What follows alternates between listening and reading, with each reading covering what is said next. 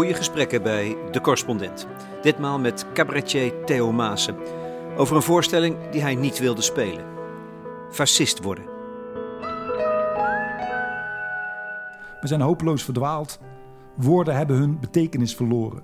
En ook beelden zijn zo kinderlijk eenvoudig te manipuleren, waardoor we zelfs onze eigen ogen niet meer kunnen vertrouwen. Kortom, we tasten volledig in het duister. Op welk kompas moeten we varen? Wat of wie moet ons uit dat moeras trekken? Wie moet ons van het donker naar het licht leiden? Leiden. Dat is wat we nodig hebben. Iemand die ons leidt. Een leider.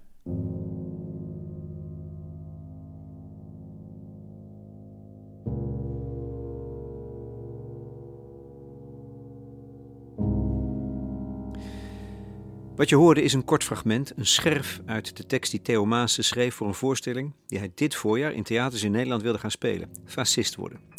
Over de aantrekkingskracht van het fascisme. Daar wilde ik wel met hem over praten. Maar hij heeft de tournee afgelast. Er komt geen voorstelling van fascist worden. Nu in ieder geval niet. En dat maakt het nog intrigerender. Wat is daar gebeurd in het creatieve proces? Waarom kon het niet? Ik vroeg aan Theo Maassen of hij er niet toch over wilde praten in het kader van mijn serie Goede Gesprekken. En het leek mij een uitgelezen kans om het te doen in het theater aan het Spui in Den Haag. Daar zou hij ook gaan spelen. Sinds een paar jaar maak ik daar in samenwerking met het Nationale Theater met enige regelmaat live podcasts. De opname van het interview vindt plaats in aanwezigheid van het publiek. Ik stelde voor dat hij stukken zou voorlezen. En dat leek hem wel wat. Dus zitten we nu tegenover elkaar in een kleine kring van licht en toeschouwers. De datum is van belang zondag 20 februari. Het was dus nog voordat Poetin Oekraïne aanviel. Het publiek zit om ons heen in strandstoelen, het licht is uitgegaan. Het theater van het interview begint met het aansteken van een kaarsje. Een bijkans rituele handeling. Het startschot. Het startschot, ja. Ik denk dat je dat als artiest ook kent, hè? dat moment dat het licht uitgaat. Dat je dus Zeker, ja. En ook... Eigenlijk altijd door het duister heen gaat. Is dat ja, ja joh, je, bent, je bent een beetje gedresseerd op een gegeven moment. Dat dan, dan gaat het licht uit. En dan soms ook met een openingstune, met een fijne bang erin waarop het licht aangaat. En dan sta je zelf ook, dan ga je zelf ook aan. Het is wel een heel mooi beeld eigenlijk, hè? dat je wel even eerst in het duister zit. Hmm. Betekent dat ook iets? Als artiest? Zeker. Je maakt, je maakt een, een, uh, want je, wat je probeert als, als eh, kunstenaar, als artiest, is om mensen in jouw wereld te trekken. Maar mensen komen natuurlijk ook uit een andere wereld. die hebben een auto moeten parkeren, die hebben een hele dag gehad met allerlei dingen. Dat is ook een soort trip waar ze in zitten. En, je, en jij probeert die mensen, inclusief jezelf, eh, uit die trip te halen. En dan moet er even een niemandslandje komen. Dat is misschien dat donker, dat is dat niemandsland. Ja. En daarna begin je aan, de, aan, aan die nieuwe trip. En om überhaupt dingen te maken, moet je dan ook eerst door dat duister heen? Jij als... als uh, ja, bedoel je nou... Nu bedoel je een soort figuurlijk duister, ja, neem ik ja, aan. Ja, uh, ja, nou ja, je moet je wel... Ik denk, om, om overdag te kunnen functioneren... heb je wel uh, luiken nodig die, die dicht moeten blijven... omdat je anders gek wordt... en omdat je gewoon ook heel veel praktische dingen moet doen... En dat als je geïnspireerd wil raken en als, als je wil nadenken over, over je, je, je, verhouding tot, tot jezelf, tot de wereld, tot je medemens, dat je dan wel in een andere staat van zijn moet zijn. Dat die luiken dan wel uh, open moeten. En daar komt niet alleen maar licht door, daar komt ook de duisternis door. Ja, dat, dat weet je niet precies. Maar dan moet je wel ontvankelijk voor zijn, daar moet je wel oké mee zijn. Anders krijg je een soort, soort oppervlakkig lulverhaaltje, wat, wat ook grappig kan zijn, maar dat is niet wat ik zoek. Overigens ehm, was ik echt aangenaam getroffen door jouw eigen podcastserie, Ervaring voor Beginners. En ik denk zelfs, als je nou Theo Maassen wil leren kennen, dan moet je juist naar die, naar die podcast luisteren. Dat, heel, dat vond ik een heel grappige constatering. Omdat je jou leert kennen als iemand die nieuwsgierig is, open, warm, hartelijk is een beetje een andere Theo Maassen dan... Ik wil bijna een vraagje, heb, heb je al een relatie, uh, Lex? Want uh, het, klinkt een beetje alsof je me wil versieren nu. Zou dat vervelend zijn? ik ben op een leeftijd dat ik blij ben met elk compliment en met alle, alle vormen van aandacht uh, incasseer ik en daar ben ik blij mee. Dus ik zou het maar, leuk vinden. eh, eh, eh, te gevoelig, toch? Ben je gewoon eigenlijk te gevoelig? Kun je er niet tegen?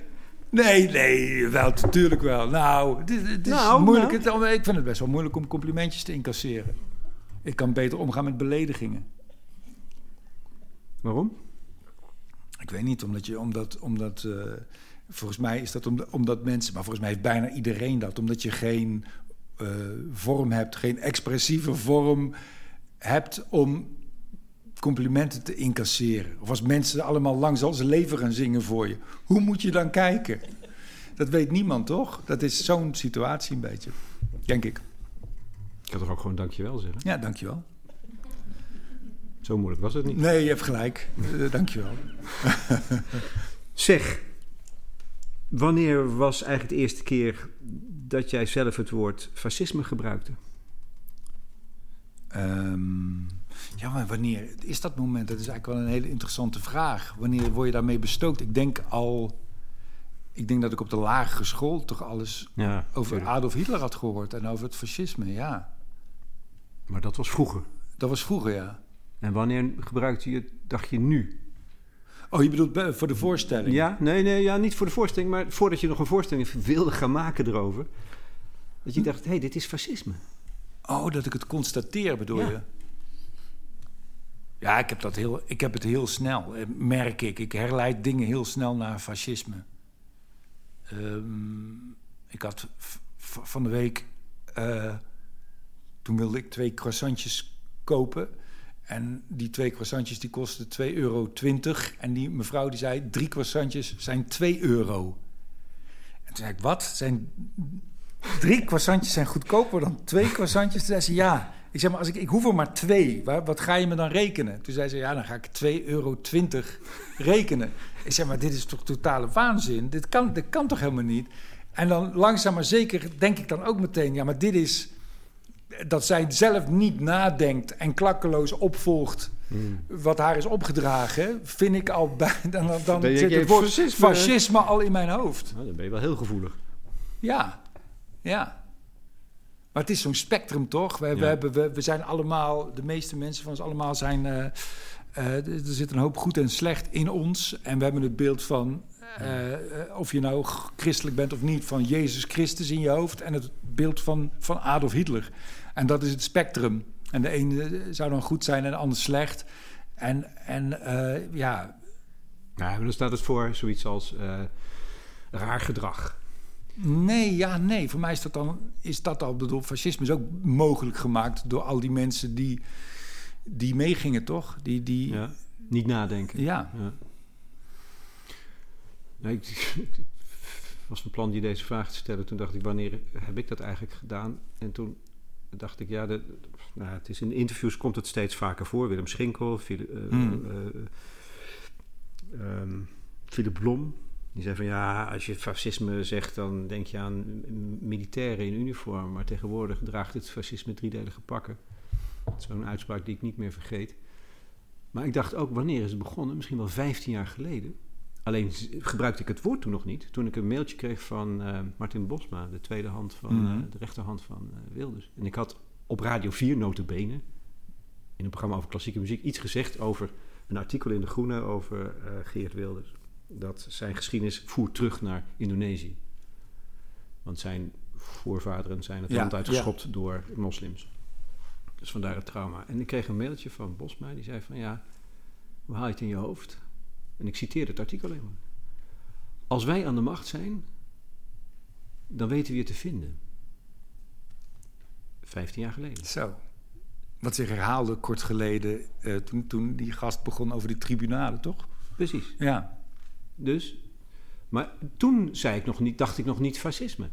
Nu denk ik het wel. Dus er is iets gebeurd in die loop der jaren. En, en voor mij is dat het signaal van: oké, ik ben het niet met je eens, ik mag geweld gebruiken. Daar gaat het om. Hmm. Ja, dat is de, dat is de druppel. Want eh, ik denk als.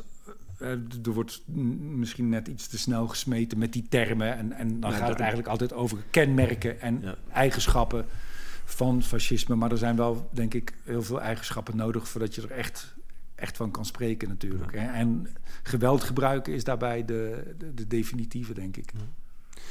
Jij wilde er iets mee, je wilde er een voorstelling over maken. Mhm. Je hebt een tekst geschreven. Misschien zullen we daar, moeten we daar maar mee beginnen. Een fragment van de tekst. Ja, ik zal eens beginnen. Fascist worden. We slaan het welkomstwoord over. Ja, in het welkomstwoord had ik bedacht dat het een soort Tupperware party was. Ik weet niet of mensen dat iets zegt, maar dat is een feestje waarbij mensen komen omdat ze dan Tupperware kunnen kopen en tegelijkertijd vervolgens zelf dat soort parties kunnen gaan, organiseren om zelf ook weer Tupperware te gaan verkopen. En dus dit is het idee dat, dat er, er wordt een soort fascistisch praatje gehouden voor mensen die datzelfde praatje ook moeten gaan houden. Dat is het welkomstwoord. En dan begin ik bij de inleiding. Democratie is de allerslechtste regeringsvorm op alle andere na. Winston Churchill. Klopt dat? Is dat waar? Of is het gewoon het equivalent van wij van wc-eend adviseren wc-eend? Of, wat ook kan, misschien was het toen waar, maar nu niet meer. Is de uiterste houdbaarheidsdatum verstreken? De grote vraag is natuurlijk: is democratie nog wel het meest geschikte systeem om ons door deze problematische en ingewikkelde tijd te navigeren? Daar zijn we het allemaal over eens, toch? Het is een problematische en ingewikkelde tijd. De tijd waarin we nu leven verschilt wezenlijk van de vorige eeuw. Andere fenomenen, andere problemen, andere kansen, andere bedreigingen. Een groot deel, een niet te verwaarlozen deel van de Nederlandse bevolking, snakt naar een nieuw verhaal. Snakt naar visie, naar oplossingen, naar antwoorden. En het is inmiddels wel duidelijk dat die antwoorden niet uit de huidige politiek voort zullen komen. Tot daar. Dat is het beginnetje. Jammer. Nee, is goed. Zometeen nog meer. Um, wat wilde je precies? Um, het idee is, het is van origine is het een, een, een boekje geschreven door een Italiaanse uh, journaliste die een waarschuwing. Het is, het is een waarschuwing voor fascisme, maar in de vorm van een pleidooi. Wat ik heel intrigerend vond. Ik bedoel, hè, je kan zeggen van uh, pas op mensen, fascisme is iets heel gevaarlijks en iets engs. En dat neem je dat voor, kennisgeving aan. Maar om dat te gieten in de vorm van een pleidooi, waardoor je de aantrekkingskracht voelt en voelt wat het kan doen en wat de werkzame stof is. En dan dan achterkomen, oh shit, dit is echt linkersoep. Dat vind ik een heel mooi, uh, spel. Dus ik wilde eigenlijk een, een, eigenlijk een soort vaccin maken tegen de, tegen de kwaal. Om een klein beetje te injecteren en het immuunsysteem aan de gang uh, te brengen. En, dat, dat wilde ik eigenlijk doen. Ja. Dat spel spelen met het, met, met het publiek. Dus het publiek verleiden en gaandeweg eh, erachter komen... fuck, waar, waar, waar, zit ik in? Waar zit ik naar te luisteren? Waarom sta ik nou niet op en zeg ik... hé, hey, uh, dat. Op het begin van hoofdstuk 5 schrijf je... Ik heb het over diep menselijke behoeftes en gevoelens... en toch bekruipt me steeds het gevoel dat ik iets verkeerd zeg. Het gevoel dat ik me op terrein begeef waar ik eigenlijk niet mag komen. Ja. Dat dat, dat is natuurlijk een argument dat we vaak horen. Ik mag iets niet zeggen. Maar mm. dit is precies ook wat jij begon te ervaren bij het maken, denk ik. Uh, nou, nee, ik, nee want het, de arena waarin ik het van plan was te doen in het theater is natuurlijk een, in wezen een veilige arena om, om, om dit te doen. Om alles te doen wat je wil. Ja, dus, de, daar, daar had ik geen last van. Alleen de, de moeilijkheid is om, om om die context, om, om, om zeg maar, het spel wat ik vertel, om dat te spelen, om, om, om, die, dat verleidingsspel te spelen. Ja, dat is, dat is heel ingewikkeld. Omdat mensen natuurlijk ook heel erg op de rem gaan en heel erg uh, zich wapenen. En dat bepaalde woorden maken dat je op slot gaat of dat je niet meegaat. Of dat je juist wel meegaat, wat ik ook helemaal niet wil. Dus het was gewoon een hele ingewikkelde balansoefening om op, om op die draad te blijven staan.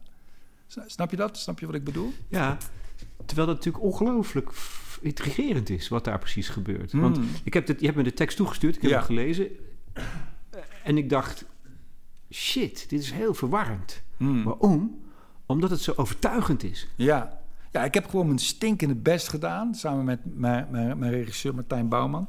om die tekst zo goed mogelijk te maken. En dat je eigenlijk stapje voor stapje steeds denkt: ja, ik wil het eigenlijk niet denken, maar het is wel zo. En ja, hè, ik gebruik allerlei argumenten. Ik bedoel, we, weten nou wat er aan de hand is met het klimaat bijvoorbeeld. En toch rijden er nog steeds brommertjes rond, terwijl er allemaal elektrische alternatieven zijn. En dan besluiten, hè, met, met hoe het nu gaat, met democratische besluitvorming, uh, zeggen we van ja, in het jaar 2026 moet het stoppen. Terwijl er is nu een probleem. Als je een dictator zou hebben, een leider zou hebben, die zou zeggen nu. Gewoon in China zeggen ze nu. Nou ja, dat, dat zijn allemaal argumenten. Daar kun je bijna niet mee oneens zijn. en zo je, je raakt er ook enthousiast over. ja, dat is, ik ben ook acteur, hè. Ja. en, en zo zitten er heel veel argumenten in... Waar je, waardoor je langzaam in dat verhaal wordt, wordt uh, uh, gezogen ik denk wat ook een verwarrende factor is in deze, is dat ik degene ben die het speelde. Misschien kan dit veel beter gespeeld worden door een vrij uh, een neutralere acteur die mensen niet kennen. Mensen kennen mij van mijn cabaretprogramma's. Ik heb hmm. ze al in contact gebracht met mijn denkwereld. Ze zitten soms te wachten, misschien op een grap, omdat dat manier van mijn, hè, mijn praat is dat ik ze ergens heen leid en dan de, de, hoek om ga, waardoor het weer heel anders wordt. Dus dat ze ook te veel op hun hoede zijn. Misschien ben ik ook de, een hele onhandige uitvoerder van deze uh, monoloog. Dat kan ook onderdeel zijn van het probleem. Want het was niet de bedoeling om mensen aan het lachen te maken. Nee, nee, het is volstrekt humorloos. Wat ook is niet waar trouwens. Nou. Nee, er zitten grappen in. Er zitten echt grappen in.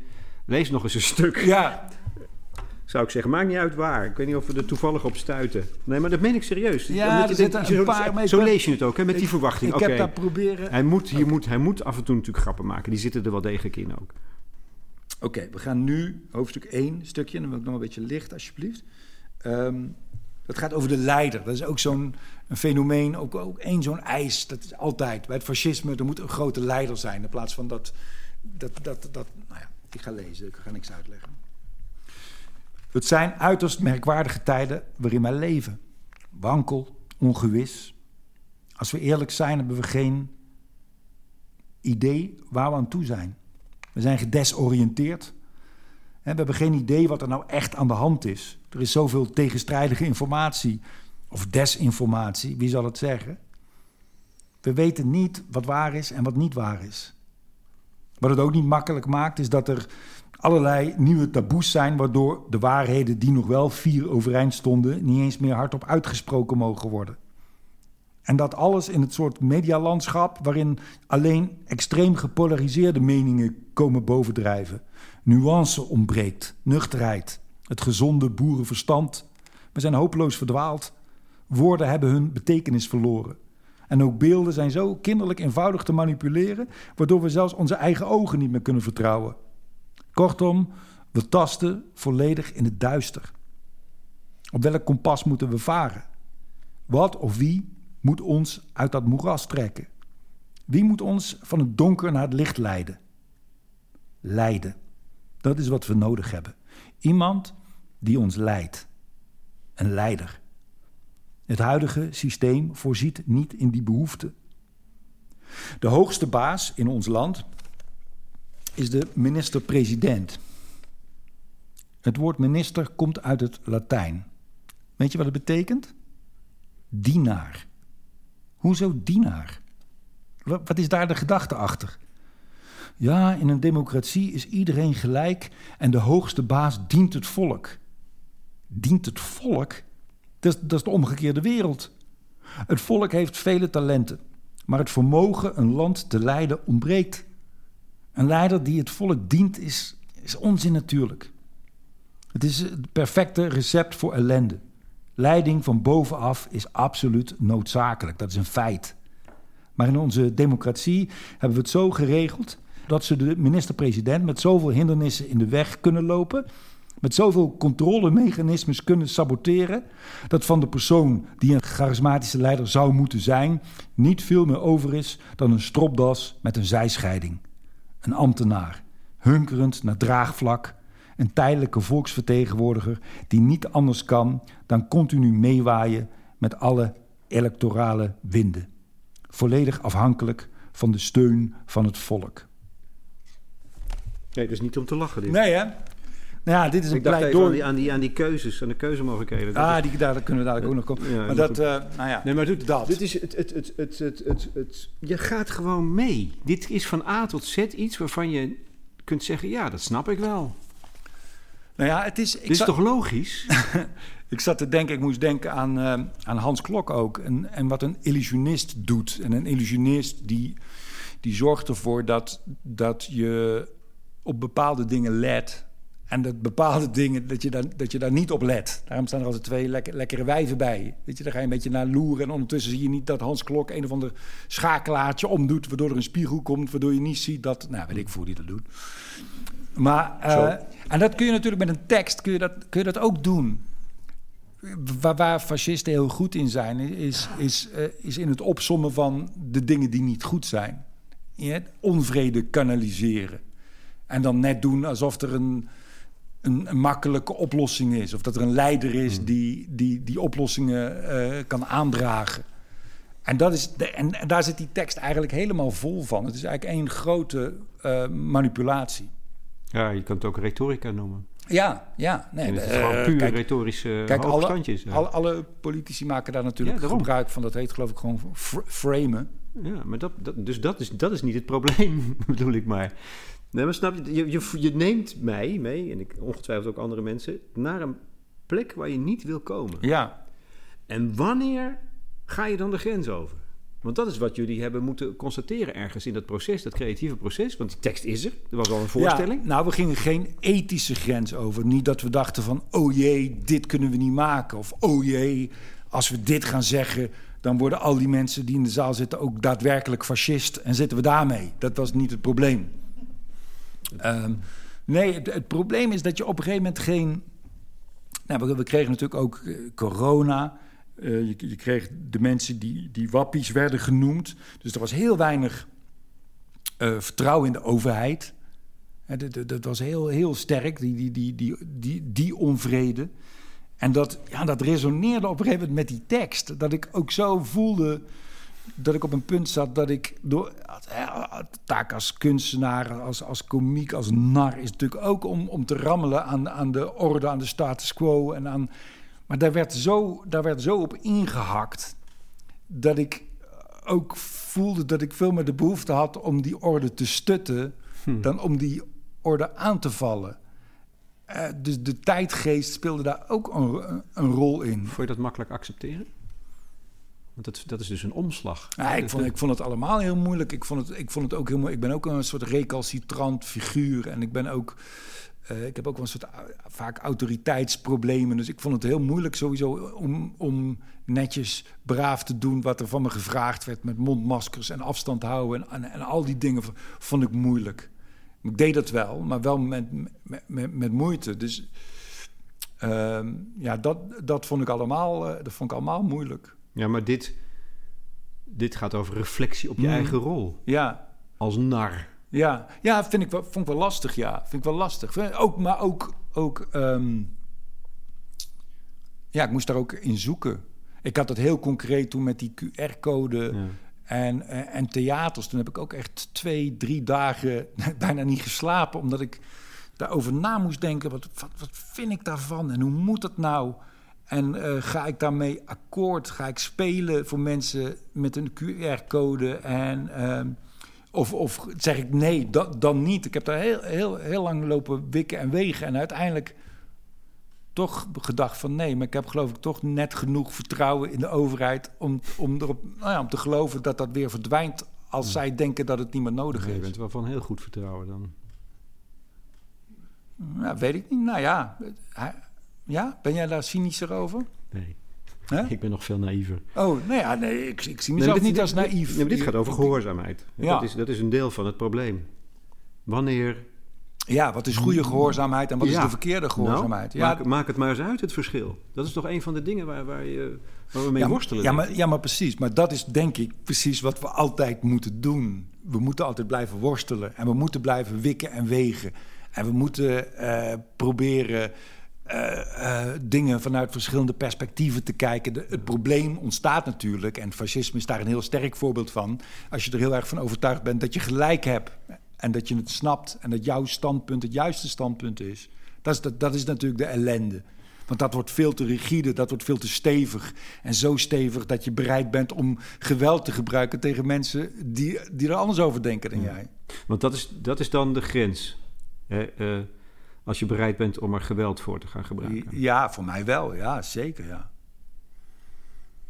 Maar ja, er is misschien ook een, een moment denkbaar dat als er iets aan de hand is en dat, dat geen enkel protest iets uithaalt, maar dat er iets wordt gedaan met een bevolking en dat er niks anders op zit dan wel. Ja, er is misschien ook wel een moment eh, hypothetisch denkbaar waarop geweld misschien wel een optie wordt. Want ook daar schrijf je op zo'n manier over dat dat volkomen logisch is. Hè? Ja. Dat je het op een, op een voortreffelijke manier verdedigt, het gebruik van geweld in deze tekst. Ja, het gaat dan over uh, uh, het idee. Uh, nou, ik kan, ik kan het ook een stukje lezen. Ja, ja graag. Komt het uit het hoofdstuk De Vijand?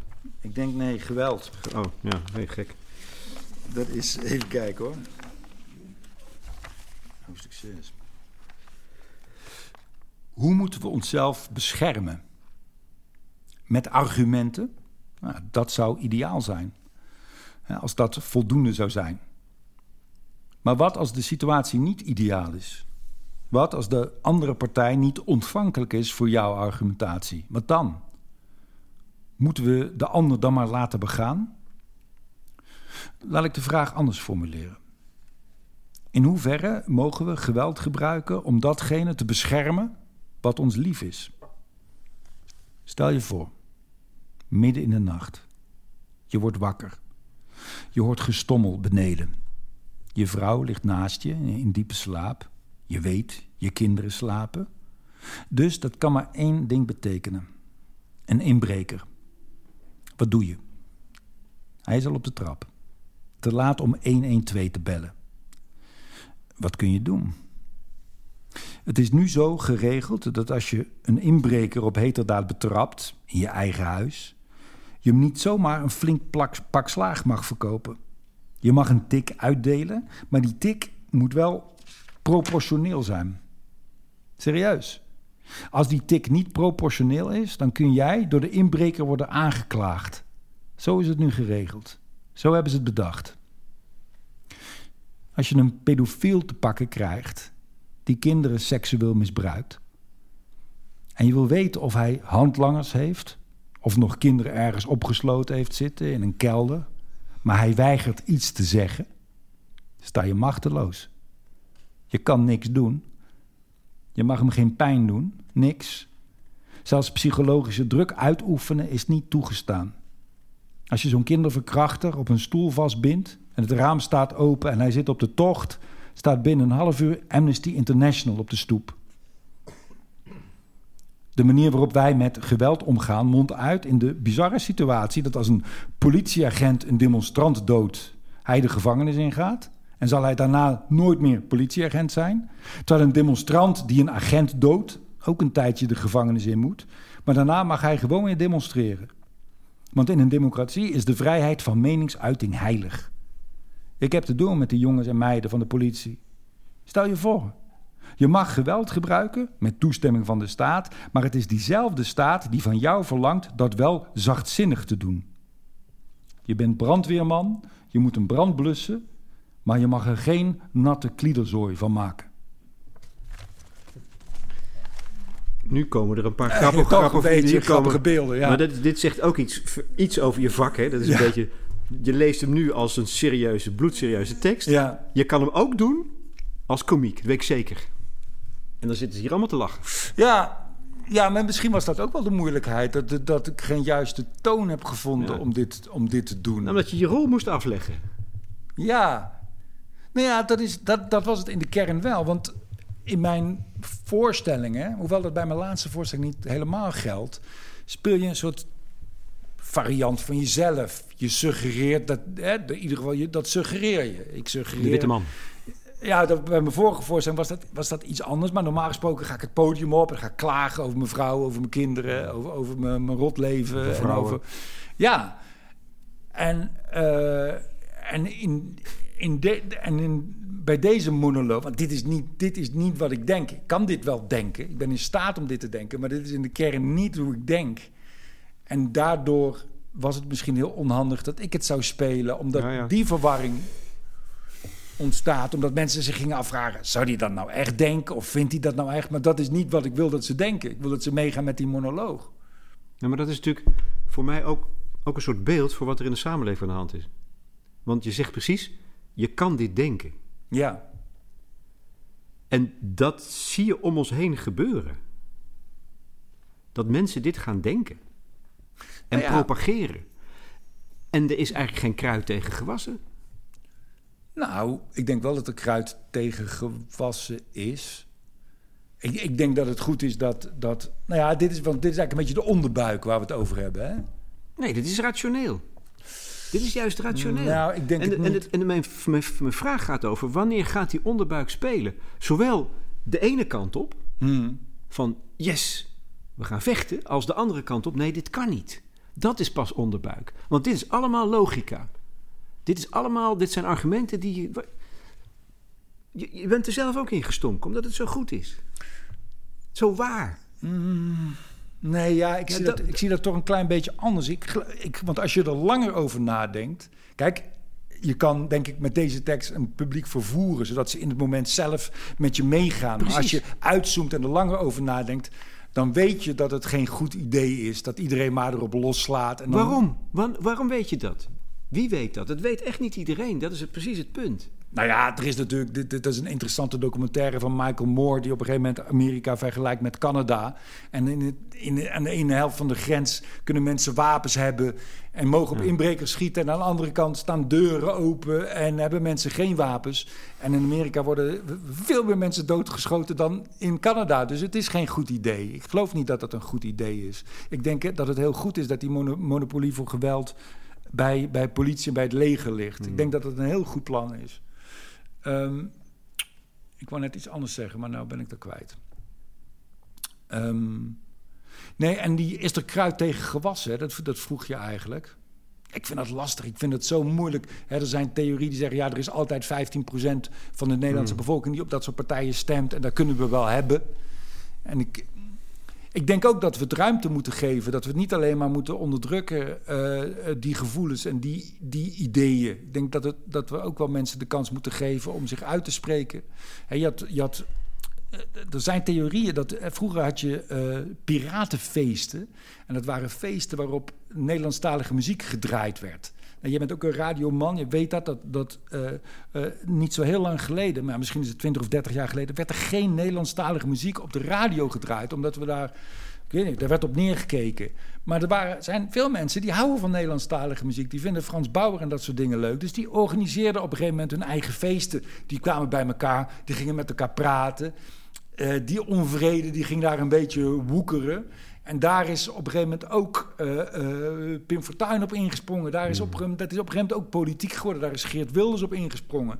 Dus ik denk, er moet ook Nederlandstalige muziek op de radio. Weet je, het is niet goed om, om, om, om de onderbuik helemaal niet aan het woord te laten. Die heeft ook bestaansrecht. Alleen dat moet in een soort fijne balans zijn met, met, met, uh, met, met verstand en met, met, met, met hart, met een lief hart en een koel verstand en een onderbuik. Het is, het is, het is er allemaal.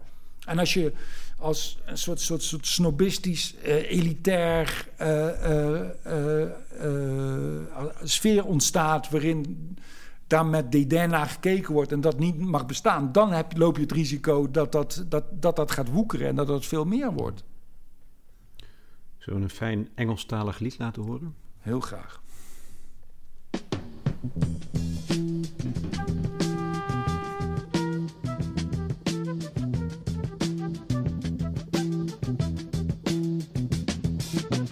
You will not be able to stay home, brother.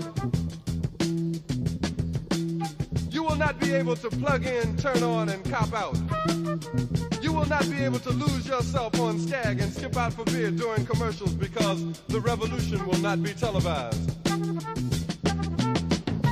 The revolution will not be televised. The revolution will not be brought to you by Xerox in four parts without commercial interruptions. The revolution will not show you pictures of Nixon blowing a bugle and leading a charge by John Mitchell, General Abrams, and Spyro Agnew eat hog maws confiscated from a Harlem sanctuary. The revolution will not be televised. The revolution will not be brought to you by the Schaefer Award Theater and will not star Natalie Woods and Steve McQueen or Bullwinkle and Julia. The revolution will not give your mouth sex appeal. The revolution will not get rid of the nub. The revolution will not make you look five pounds thinner because the revolution will not be televised. Gevraagd, wil je één stuk muziek meenemen? Dat werd dit. The revolution will not be televised. Waar, wat zijn je overwegingen dan? Nou ja, in mijn optiek gaat dit nummer heel erg over, over eh, de underground. Van wat daar, wat, wat daar gebeurt. En daar kunnen hele mooie dingen gebeuren. Uh, en, en, ook hele verschrikkelijke dingen. Bedoel, dit gebeurt ook. Dit begint, fascisme begint volgens mij ook in de underground. Maar ook hele mooie omwentelingen ja. en mooie nieuwe manieren van denken. En, uh, dus het is ook wel goed om die weet je, ook altijd in de, in de gaten te houden. Niet of onachtzamen. Maar goed, daar hadden we het eigenlijk net al over. Ja, zeker. Denk jij dat het sterker zal worden? Um, Voel je dat het, dat het om ons heen ja, het heeft natuurlijk te, te, te, maken altijd met een bepaalde mate van uh, ontevre ontevredenheid die mensen ervaren. In, daar waar ze leven. Dat, dan, dat is natuurlijk de ideale voedingsbodem. Als mensen zich vernederd voelen en genegeerd voelen. Dan, uh, dus, ja, dat, dat, is denk ik heel erg afhankelijk van hoe, ja, hoe het verder gaat. Is dat het probleem? Ik denk dat dat altijd de, de, de voedingsbodem is voor dit dat, dat als, als, als mensen het een beetje aangenaam hebben, dat je dan niet zo de neiging hebt om, om de ander te zien als, als, als, als zonderbok en, en andere ja. mensen als inferieur te zien. En, maar wij uh, hebben het toch aangenaam? Ja, vind ik ook. Maar ik vind dat. dat ja, ja, ik wel, maar ik, kan niet voor iedereen spreken. Maar ik, ja, ik denk dat ook arme mensen in Nederland hebben het meestal beter dan arme mensen in andere landen. Maar uh, ja, maar dat is ook een bewustzijn. Dan moet je ook. We worden natuurlijk ook het gebombardeerd met beelden die, van mensen die knapper zijn dan wij, die succesvoller zijn dan wij, die, die rijker zijn dan wij. Uh, ja, ja ik, ik, weet niet hoe, hoe, hoe, zich dat ontwikkelt. Er zijn natuurlijk ook heel veel mensen. Er is een enorm woningtekort. Er zijn heel veel mensen die kunnen nergens wonen. Die zijn 25 en die wonen nog steeds bij hun ouders. Dat zijn allemaal klote omstandigheden. En toch denk ik op een of andere manier dat, niet dat dat de voedingsbodem is van fascistoïde gedachtegoed. Nou ja, dat is bijvoorbeeld, nou ja, als je het over wonen hebt, het is natuurlijk vrij makkelijk om, het is natuurlijk een vrij eenvoudige uh, redenatie, maar als je 26 bent of 25 en je moet nog steeds uh, bij, bij je ouders wonen, omdat er geen plekje is voor jou, en er komen mensen, vluchtelingen uit andere landen, die een woning krijgen, ja, dan, dan is 1 en 1 heel snel 2 mm. als, je, als je wil, als je, als je niet, uh, als je oppervlakkig nadenkt. Ik denk, ik denk, weet je, als ik eerlijk ben, denk ik dat het heel ergens anders vandaan komt op het ogenblik. Wat, wat denk jij dan? Dat het komt uit leegte voort. Mm -hmm. dat, dat wij leven in een, in een individualistische, geseculariseerde samenleving. Waar, geen, waar mensen niet weten waar ze voor leven. Mm. Ja, en zingeving. Dus, ja, ja zingeving. En consumeren, dat is een doodlopende weg. We kunnen ja. ons kapot consumeren. En dan is het zo fijn om een vijandbeeld te hebben. En om boos te zijn want dan voel je tenminste wat. Mm. En als dat maar door uh, tamelijk rijke politici uh, benut wordt, dan gaat het een bepaalde kant op. Een behoefte aan geweld, een behoefte aan, geweld, aan agressie. Ja, ik, ik vind dat je ook, ja, ik denk dat je gelijk hebt. Of ik vind het een hele interessante theorie sowieso. En je, je ziet natuurlijk ook dat, dat de woke-cultuur nu ook religieuze vormen aan gaat nemen. Dat, dat voelt ook als iets waar mensen zingeving uithalen. Um, ja, ik vind, ik vind het een interessante theorie. Ik denk dat het ook wel klopt. Ja, Nirvana zong er natuurlijk al over. Uh, uh, ja. Hm. Je wilde nog een fragment lezen uit het hoofdstuk taal. Ja. Ja. Want, want hebben wij wapens, wij hebben woorden. Ik ga het lezen. Als ik een beetje licht krijg, ja, is het heel fijn. Doet anti. ja, nu zitten we een beetje verderop in die monoloog. En dan zeg ik. Ik hoop dat nu langzaam maar zeker duidelijk wordt dat ik hier geen extreme rare dingen aan het beweren ben.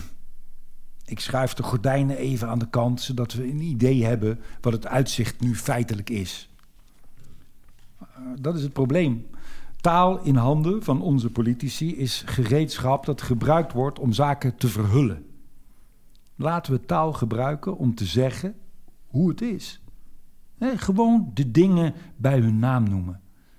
iets wat een hoop gezeik is, hoeft niet verzacht te worden door het een uitdaging te noemen, want het is gewoon een hoop gezeik.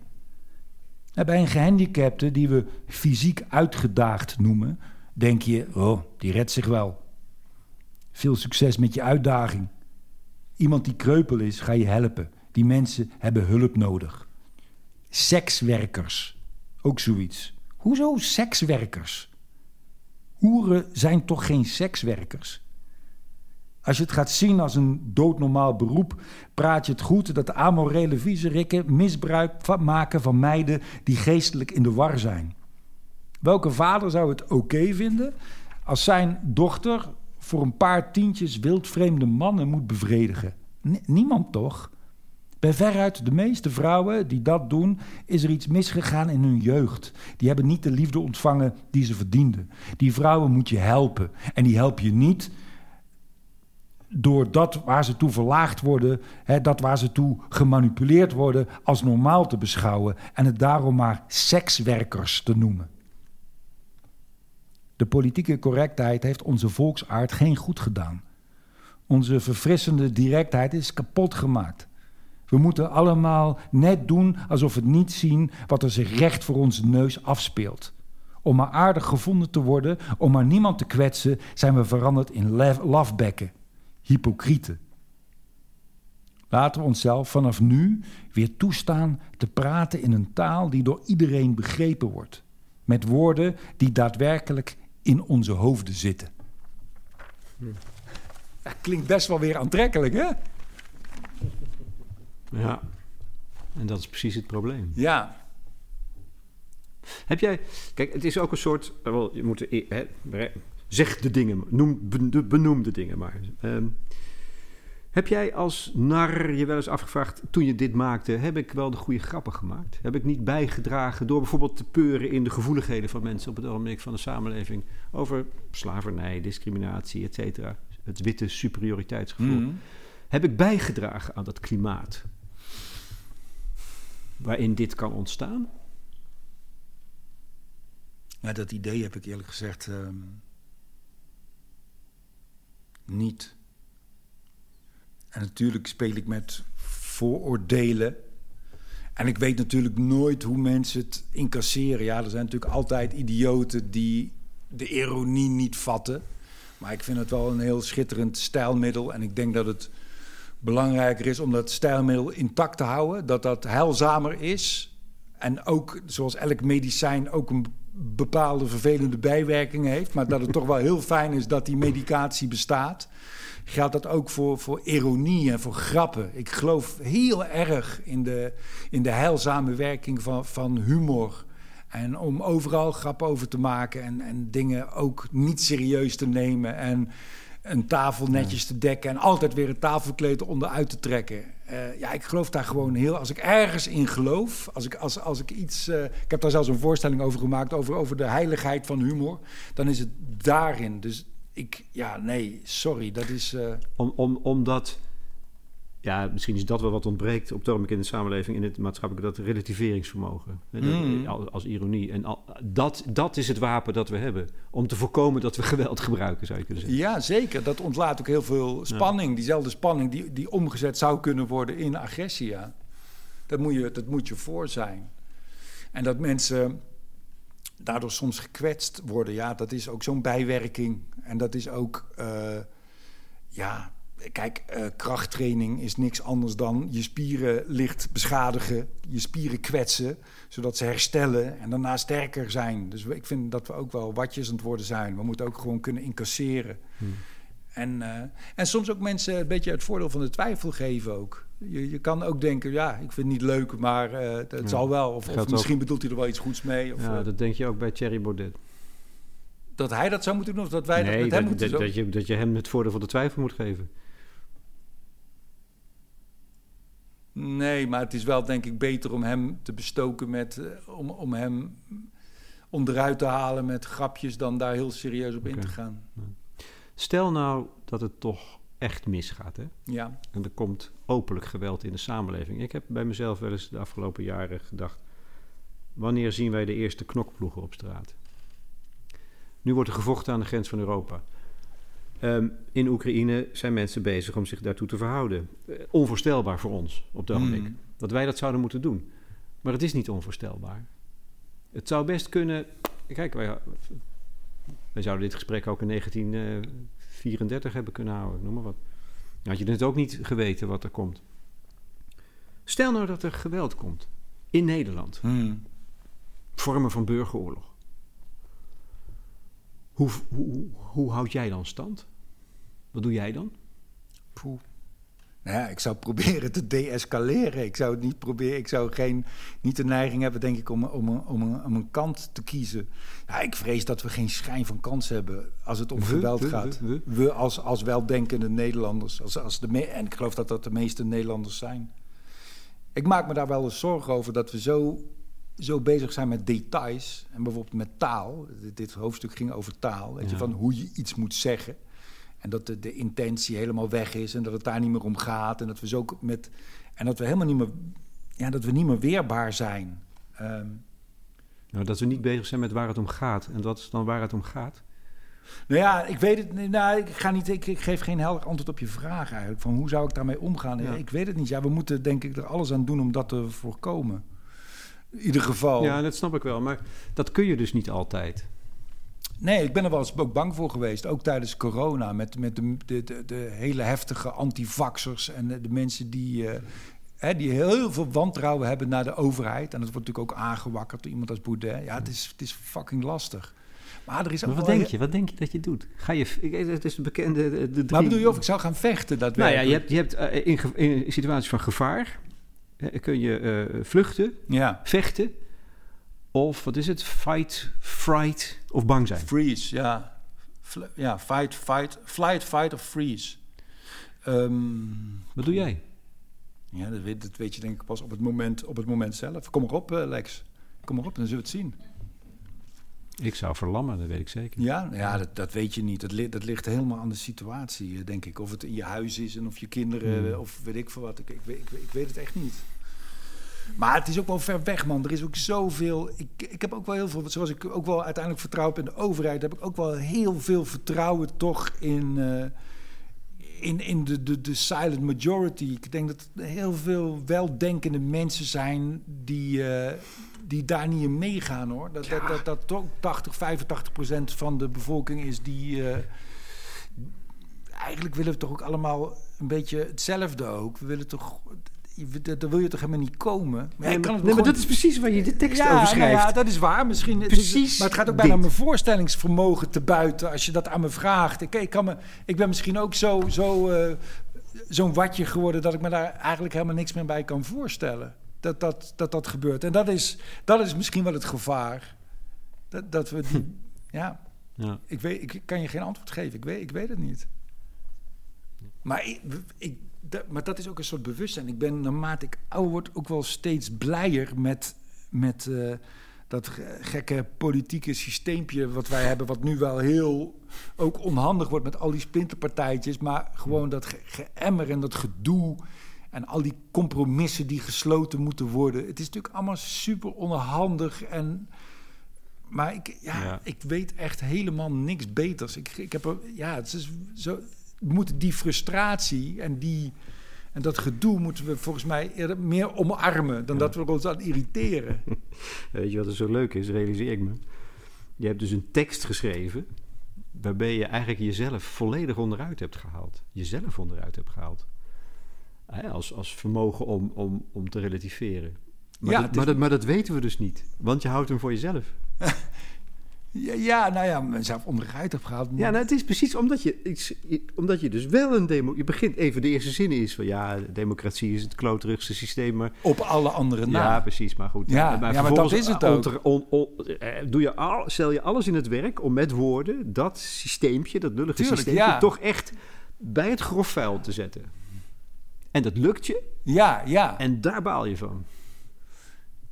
Nee, nee, ik baal daar niet van. Het is gewoon heel makkelijk. Het is om, om liefdeloos naar iets te kijken. Hmm. Om liefdeloos naar je vrouw of naar je broer of naar je buurman te kijken. Dat is heel makkelijk om, om die opsomming te maken. Dat, dat krijg je, dat krijg ik, ja, eh, noem maar wat. Ik, kan- ik kan zo alle nadelen eh, opnoemen van, eh, van, wat, van wat dan ook. Dat is niet zo heel erg moeilijk. Het moeilijke is om het, om het en, dat heb ik, en die poging heb ik helemaal niet gedaan in, dit, in deze monoloog. De moeilijkheid is om, om het mooie te zien en om dat te formuleren. Het, daar, alle, alle humor gaat ook over wat, wat er kloot is. Alle films gaan over wat er. Maar het- de moeilijkheid is. Dus dit is. Nee, ik heb niet het gevoel dat ik mezelf. oh, Ik heb gewoon inderdaad al mijn denkkracht ingezet. Om te kijken hoe ver ik daarin kwam. Ja, dan kom je best wel ver. Alleen toen akelig puntje ver. bij paaltje kwam, dacht ik van ja, en waar- waarom, waarom zou ik dit gaan spelen in een theater? En wat is daar het nut van? En wat is daar de zin van? Dus, dus de denkoefening eh, in het, het maakproces is eigenlijk heel erg interessant geweest.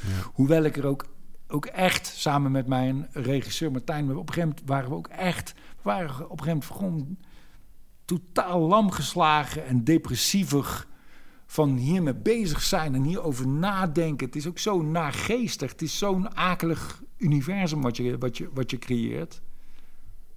Hm. Ik ga nog een stukje voorlezen in het begin. Waarin, eh, als je dat goed vindt, of moeten we stoppen lezen? Nee, ik vind het goed. Graag. Dit is ook best wel... Ook zo'n overtuigende... Ons huidige politieke systeem is overduidelijk niet de oplossing. Het is het probleem. Het heeft eraan meegeholpen dat 1% van de allerrijkste meer dan de helft van alle rijkdommen in handen heeft. Ons huidige systeem, het systeem van de vrije markteconomie, haalt niet het beste in ons naar boven. Alles draait de hele tijd om geld, om de korte termijn, om aandeelhouders. Het wakkert hebzucht aan, het is liefdeloos. Het stimuleert egoïsme, egocentrisme. Het is alles behalve een ideaal instrument om de welvaart eerlijk te verdelen. De 26 rijkste mensen op aarde hebben meer geld dan de 4 miljard armste mensen op deze planeet. Er is meer, dan voldoende voedsel om alle monden te voeden, maar toch sterven er elke dag weer duizenden mensen van de honger. Hoezo laten we dat gebeuren? Dat is toch niet normaal? Dat is toch ziek, kwaadaardig? En dan heb ik het alleen nog maar over de economische kant van het verhaal. Het meest destructieve aspect is dit. Ons systeem, onze manier van leven heeft een verwoestende uitwerking op het leven op de planeet. We zitten midden in de grootste massa-extinctie sinds de dood van de dinosaurier 65 miljoen jaar geleden. De helft van alle dieren en planten die er nu zijn, zullen over 80 jaar zijn uitgestorven. Wij zijn de levende getuigen van de ineenstorting van het ecosysteem. Het ecosysteem waar wij mensen afhankelijk van zijn om te overleven. Die ineenstorting is mede mogelijk gemaakt door de vrije markteconomie. Dus ja, alsjeblieft, laten wij, nu het nog kan, op zoek gaan naar een minder destructief politiek systeem. De simpele vraag is dan: zijn er bruikbare alternatieven? ja, meer kan ik er ook niet van maken. Ja, het is gewoon zo. Ja, die zijn er wel, hè? Ja. Ik las dat van de week. Ehm, fa- fa- fascisme is een verkeerd antwoord op een goede vraag. Ja. Dat, dat is het natuurlijk. Want dit, ja, wat ik hier beschrijf is natuurlijk ook waar. Dit, dit, dit leidt ook tot, tot totale destructie. Dit, ik zeg alleen maar ja, ja, ja. En toch zijn het er, en, en toch, en dat, is, dat vind ik ook een hele vreemde en interessante vraag. Toch worden er ons, hè, nou ja, dat zit ook in die hele monoloog van. Op een gegeven moment heb ik een opsomming van hoeveel soorten hagelslag er in de supermarkt liggen. Doe hem nog even, want dan komt de, de, de, de, de nar weer even terug. Dus er ligt in de winkel een angstaanjagende variatie aan soorten hagelslag. Melk, wit, puur, extra puur, XXL, extra groot en extra knapperig voor een echt feestje aan de ontbijttafel. Vruchtenhagel, bosvruchtenhagel, anijshagel. Schuddebuikjes, rimboe pandavlokken, tijgervlokken, krokodillenvlokken, gestampte muisjes, roze muisjes, blauwe muisjes. Binnenkort hoogstwaarschijnlijk genderneutrale muisjes. Maar keuze in politieke systemen, nul.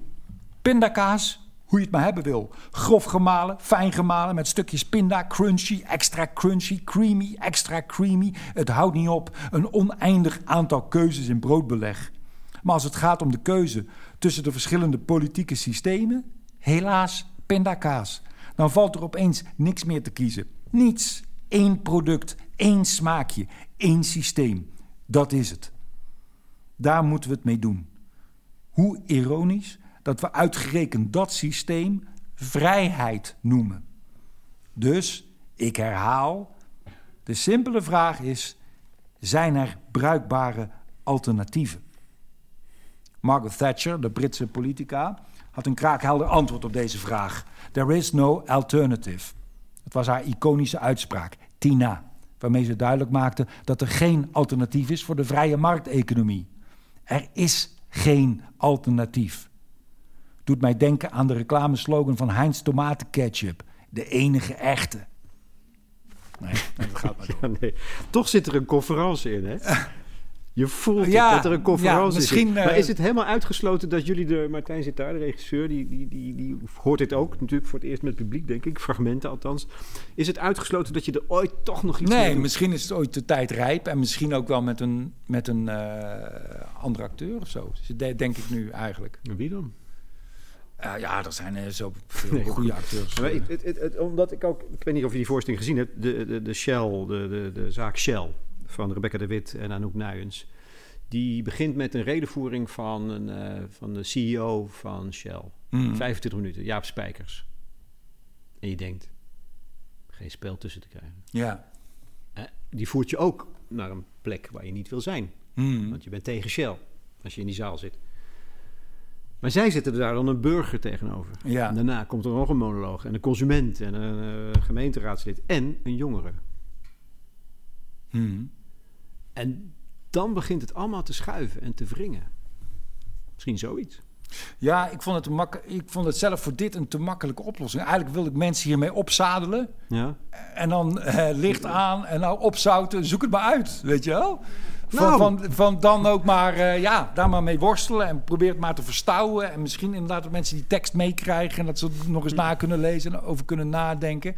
Want dat is het moeilijke natuurlijk. Ik hou bijvoorbeeld ook in sms'jes, ik hou bijvoorbeeld ook niet van emoticons. Van het was maar een geintje of een knipoog of weet ik veel wat. Ik vind, dan moet je ook met gestrekt been erin. En, uh, en dan moeten mensen het maar verstouwen. Ja, voelen. Ja, ja, pijn, het moet pijn doen. Ja, en geen, geen pleister op de wond plakken. Word je weer nar? ja, het is een bespottelijk woord natuurlijk. Uh, maar ik ga wel weer gewoon een cabaretprogramma spelen, ja. Gewoon? Nou ja, dat is wel... Mijn, dat is wel ja. Maar kan je dat nog? Na, na alles wat er gebeurd is? Natuurlijk, maar waarom niet? Nou, Bedoel je na deze nee, omdat je naar corona? ja, nee, nee, dat doe door zo'n project. Weet je, dat is, dat is, dat ja, hoor, ja, het is gewoon een hele interessante denkoefening geweest. Natuurlijk, natuurlijk kan ik dat weer, ja. Volgende voorstelling heet? Onbekend terrein. Volgens mij, mijn conclusie is, jij houdt gewoon van de wereld. Hè? Dat, uiteindelijk gaat het dus om liefde bij jou. Nou ja, ik, ben, ik, ben, ik heb het allebei vrij sterk in me vertegenwoordigd. Ik ben wel echt ook een mensenhater, geloof ik. Maar ik ben ook een groot liefhebber van, van de diersoort mens. En uh, ja, dat, dat botst wel lekker en daar, dat roept spanning op. En daar kan ik wel dingen mee, ja. Maar ik, ja, ik hou er ook heel veel van. Ja, klopt. Ik zat van de week met een vriend te denken dat je uh, bijvoorbeeld ook uh, vogelaars hebt. Dat is toch ontzettend schattig dat wij een diersoort zijn die door een verrekijkertje naar andere dieren gaat kijken en dan gewoon in een boekje aantekeningen maakt. En dat is het. We eten ze niet op, we maken ze niet dood. Gewoon andersom is er geen dier die op die manier naar ons kijkt, toch? Dat weet je niet helemaal zeker. Maar... Dat weten we het niet helemaal zeker, maar ik denk het niet. We zijn ook een hele lieve, lieve diersoort. En ook een gruwelijke. Point taken, dankjewel.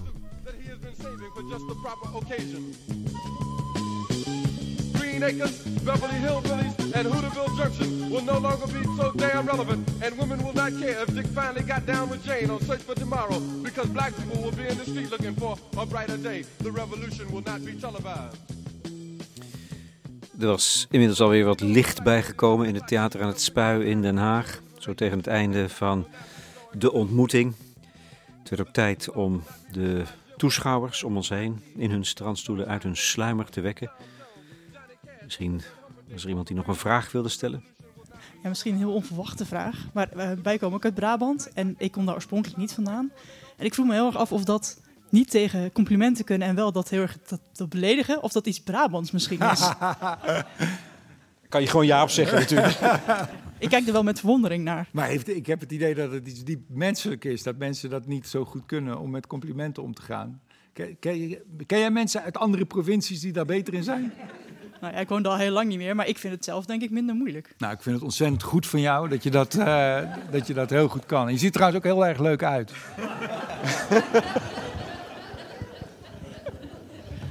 um, ik wilde vragen of jij de voorstelling gezien hebt van de Warme Winkel over uh, met voorbedachte raden.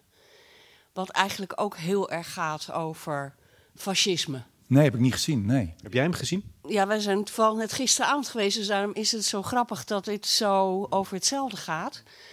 En Vincent Rietveld, die stelt zich elke, elke keer dit soort vragen. Dus misschien zou hij een goede acteur voor jou zijn. Ja, wie weet. Interessant. Ja, ik ben daar opeens wel uh, en gek eigenlijk dat ik daar niet eerder aan heb gedacht, maar opeens wel enthousiast over dat iemand anders het speelt. Want ik ben eigenlijk wel weer enthousiast over de tekst, maar ja, dus ja, ja want, want jij las hem ook voor nu. Nu las ik hem ook weer na een paar maanden. En toen dacht je, goh, ik heb eigenlijk een hele goede tekst geschreven. Ja, ja, ja, ja. En toen uh, gaf ik mezelf een compliment. Werd ik weer een beetje ongemakkelijk. Uh, nou ja, die hele dynamiek. Maar wat las je dan eigenlijk? Hoe, hoe, hoe, hoe las je hem dan nu? Voor, met, met, met een tijdje ertussen? Ja, nou, ik las nu denk ik meer de tekst en niet als voorstelling. Toen dacht ik, ja, ik vond hem wel... Hij is wel overtuigend, ja. Ja, Nee, maar je wordt dan gedwongen om daar iets tegenover te zetten. En dat is er volgens mij goed aan. Om dat zelf te doen en niet daarna een monoloogje te doen van iemand, van een, iemand, een slachtoffer van Auschwitz die laat zien hoe erg het is. Van ja, dat, dat, dat moet je zelf doen in je hoofd.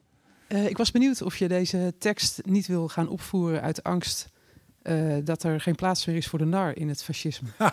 nee, maar dit is echt iets anders. Dit, is, dit heeft niks met nar of cabaret te maken. Dit is echt een theatermonoloog. Dus dat is een hele andere... Zo is het ook opgezet, hè? Ja, dus dat, nee, dat heeft eigenlijk niets met elkaar te maken, voor mij. Je zei al, um, het fascisme is een slecht antwoord op een goede vraag.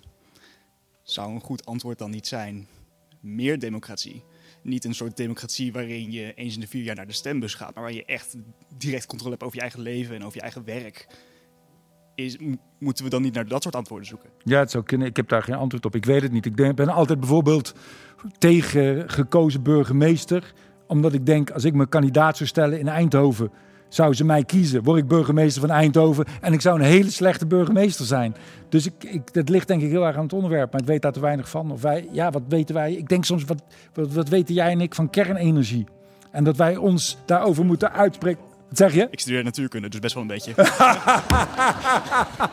nou ja, jij bent...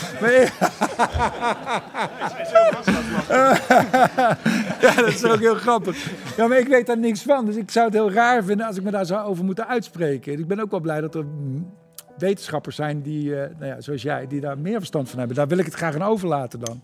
Theo Maassen, dankjewel. Ik vond het bijzonder, nogmaals, deze ontmoeting. Maar dat geldt ook voor jullie aanwezigheid hier. Ik dank jullie wel. Nou, dank, dankjewel dat ik hier mocht zijn. Ja.